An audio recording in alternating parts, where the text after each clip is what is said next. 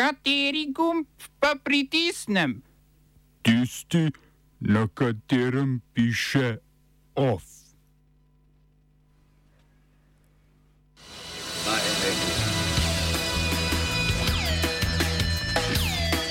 V Tuniziji poteka splošna stavka.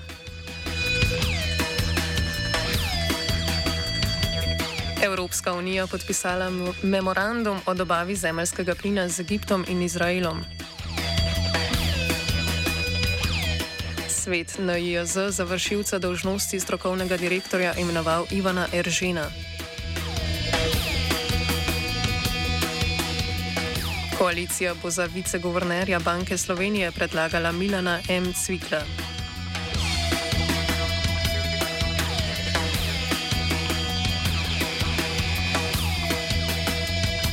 V Tuniziji danes poteka splošna stavka, ki jo je včeraj napovedal glavni sindikat v državi, to je splošni tunizijski delavski sindikat UGTT. Stavkajoči v državnih službah in v državnih podjetjih želijo opozoriti na zgrešene ekonomske politike tunizijskega predsednika Kaisa Sejeda.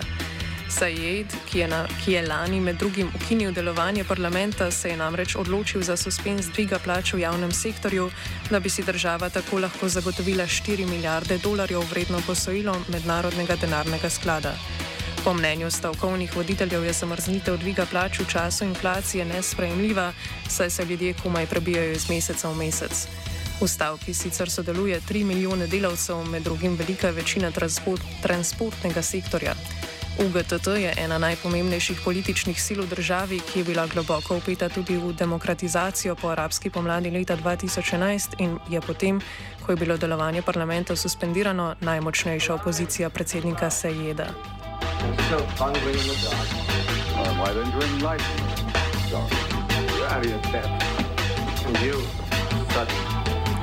Nemško zvezdno ustavno sodišče je nekdani dolgoletni kanclerki Angeli Merkel izreklo opomin glede njenih izjav o skrajno desni stranki Alternativa za Nemčijo, krajša AFD.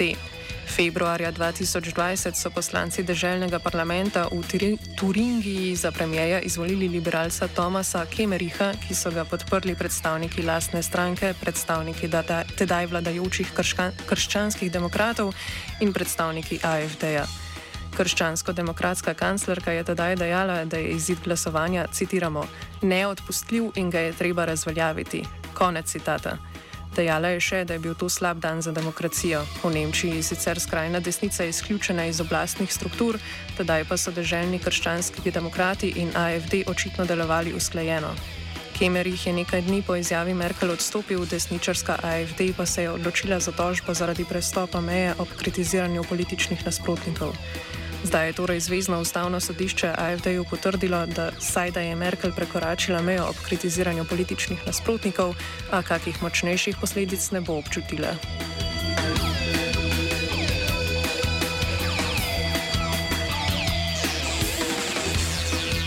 Nemška vlada se je odločila, da bo v okviru mirovne misije Evropske unije svoje soldate ponovno poslala v Bosno in Hercegovino. Za začetek bodo v državo poslali 50 vojakov za eno leto. Iz Bosne se je nemška vojska umaknila leta 2012. Za vrnitev so se odločili zaradi povečanja politične nestabilnosti v državi. To najbolj vidno pooseblja srpski predstavnik v predsedstvu Milorad Dodik s svojim vedno bolj prisotnimi separatističnimi težnjami, a trenutno potekajoča pogajanja o spremembi volilnega zakona so pokazala, da se politična taktika zaostruje tudi v drugih dveh nacionalističnih političnih blokih. Odločitev o napotitvi potrebuje še potrditev v Bundestagu, kar se bo predvidoma zgodilo še ta mesec. Evropska unija je število vojakov v svoji mirovni misiji močno povečala že kmalo po začetku vojne v Ukrajini z okoli 600 na 1100.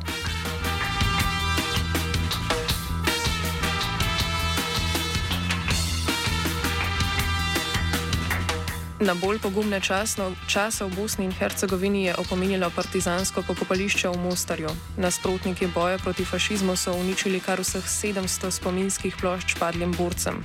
Spomenik, ki je bil po zasnovi arhitekta Bogdana Bogdanoviča postavljen leta 1965, je že dlje časa tarča fašističnih vandalov.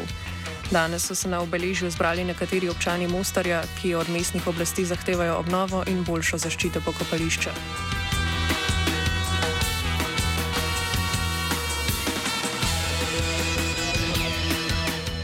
Nov somalijski predsednik Hašan Sheikh Mohamud je za predsednika vlade imenoval poslanca spodnjega doma parlamenta Hamzaja Abdija Bareja iz zvezdne države Jubaland. Njegovo imenovanje pa mora potrditi še parlament. 48-letni Barej je tesen zaveznik aktualnega predsednika, član predsednikove stranke Unija za mir in razvoj, sicer pa pripadnik klana Ogaden.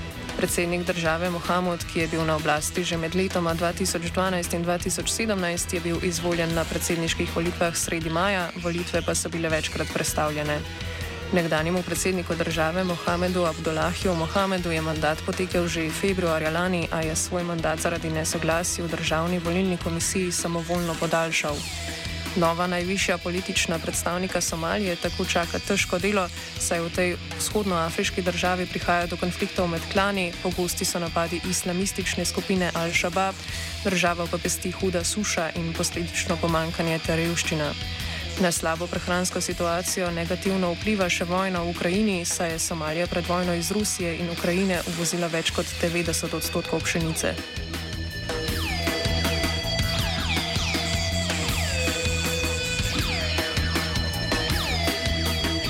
Ravno v Ukrajini, natančneje v Kijevu, pa se danes modijo evropski veliki trije: francoski predsednik Emmanuel Macron, nemški kancler Olaf Scholz in italijanski predsednik vlade Mario Draghi. V Kijev k predsedniku Volodomirju Zelenskemu so se z vlakom iz Polske odpravili po noči, seboj pa nosijo visokoleteče obljube o vojaški pomoči državi. Evropska komisija ne bi sicer v petek Ukrajini izdala pozitivno mnenje za status kandidatke, naslednji teden pa bodo o tem glasovali voditelji držav članic EU na zasedanju Evropskega sveta.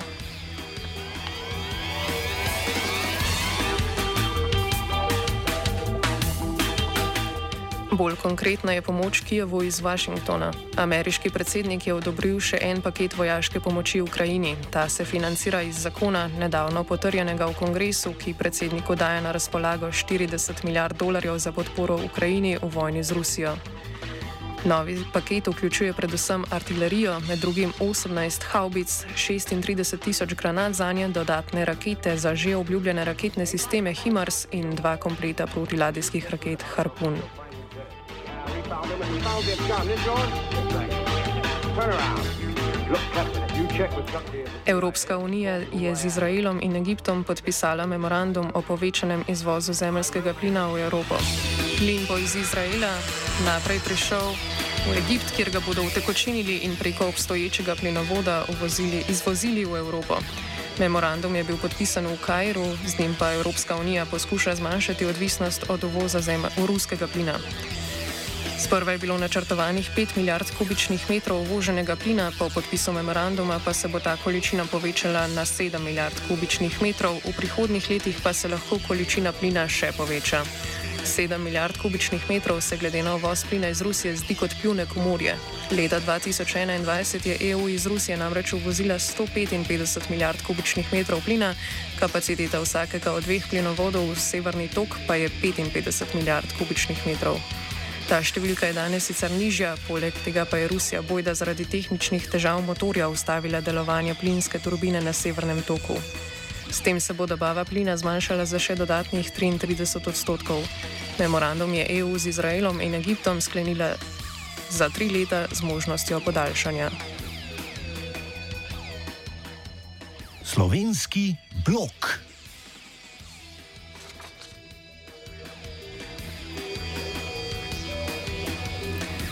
Svet Nacionalnega inštituta za javno zdravje, krajše NIJZ, je na izredni seji za vršilca dožnosti strokovnega direktorja imenoval epidemiologa Ivana Eržena. Ta je ustanovo vodil med letoma 2014 in 2018 kot vršilec dožnosti generalnega direktorja, pa tudi za krajši čas v letu 2020. Konec aprila tistega leta pa ga je nadomestil aktualni direktor Milan Krek. Eržen se še ni odločil, če, če bo tudi formalno kandidiral za strokovnega direktorja. Svet zavoda je z nastopom nove vlade doživel prevetritev, saj je vlada zamenjala predstavnike iz svoje kvote. Generalni direktor Milan Krek sicer tarna nad pritiski, ki da jih nad njim izvaja zdravstveni minister Daniel Bišič Loredan z namenom, da Krek odstopi z položaja. Hey, buddy,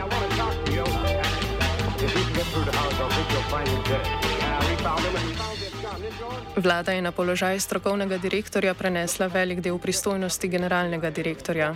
Krek trenutno preboleva okužbo z novim koronavirusom, čas pa si krajša s pisanjem komentarjev za Portal Plus. Tako je pred kratkim objavil komentar z naslovom: Ko nam bodo ideološko poenotili medijski prostor in politično udrli v NJZ, ne bo več uravnotež, uravnoteženih medijev niti NJZ.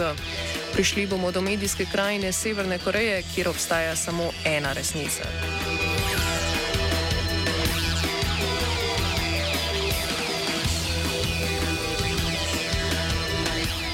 Koalicijske stranke Gibanje Svoboda, Socialni demokrati in Levica bodo za predsednico računskega sodišča podprli Jano Ahčin.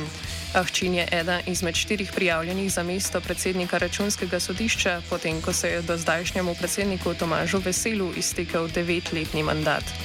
Za ponovno kandidaturo se ni odločil. Za mesto viceguvernerja Banke Slovenije pa bodo koalicijski poslanci predlagali Milana M. Cvikla, ki pri socialnih demokratih vodi strankarski svet za finance, razvoj in kohezijsko politiko.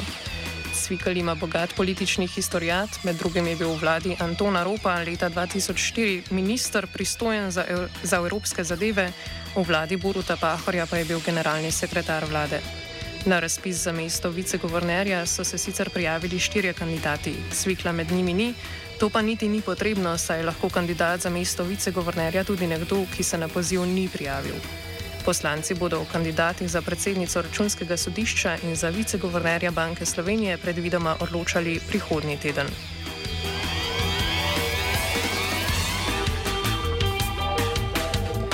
Danes je pred ustavnim sodiščem potekal shod za otroke gre. Ustavno sodišče ima namreč na dnevnem redu obravnavo za oceno ustavnosti dela zakona o zakonski zvezi in družinskih razmerjih, dela družinskega zakonika in dela zakona o partnerski zvezi. Shoda se je udeležilo okoli 100 ljudi, večinoma je šlo za upokojence, pridružilo pa se jim je tudi nekaj nekdanjih rumeno-jobičnjakov.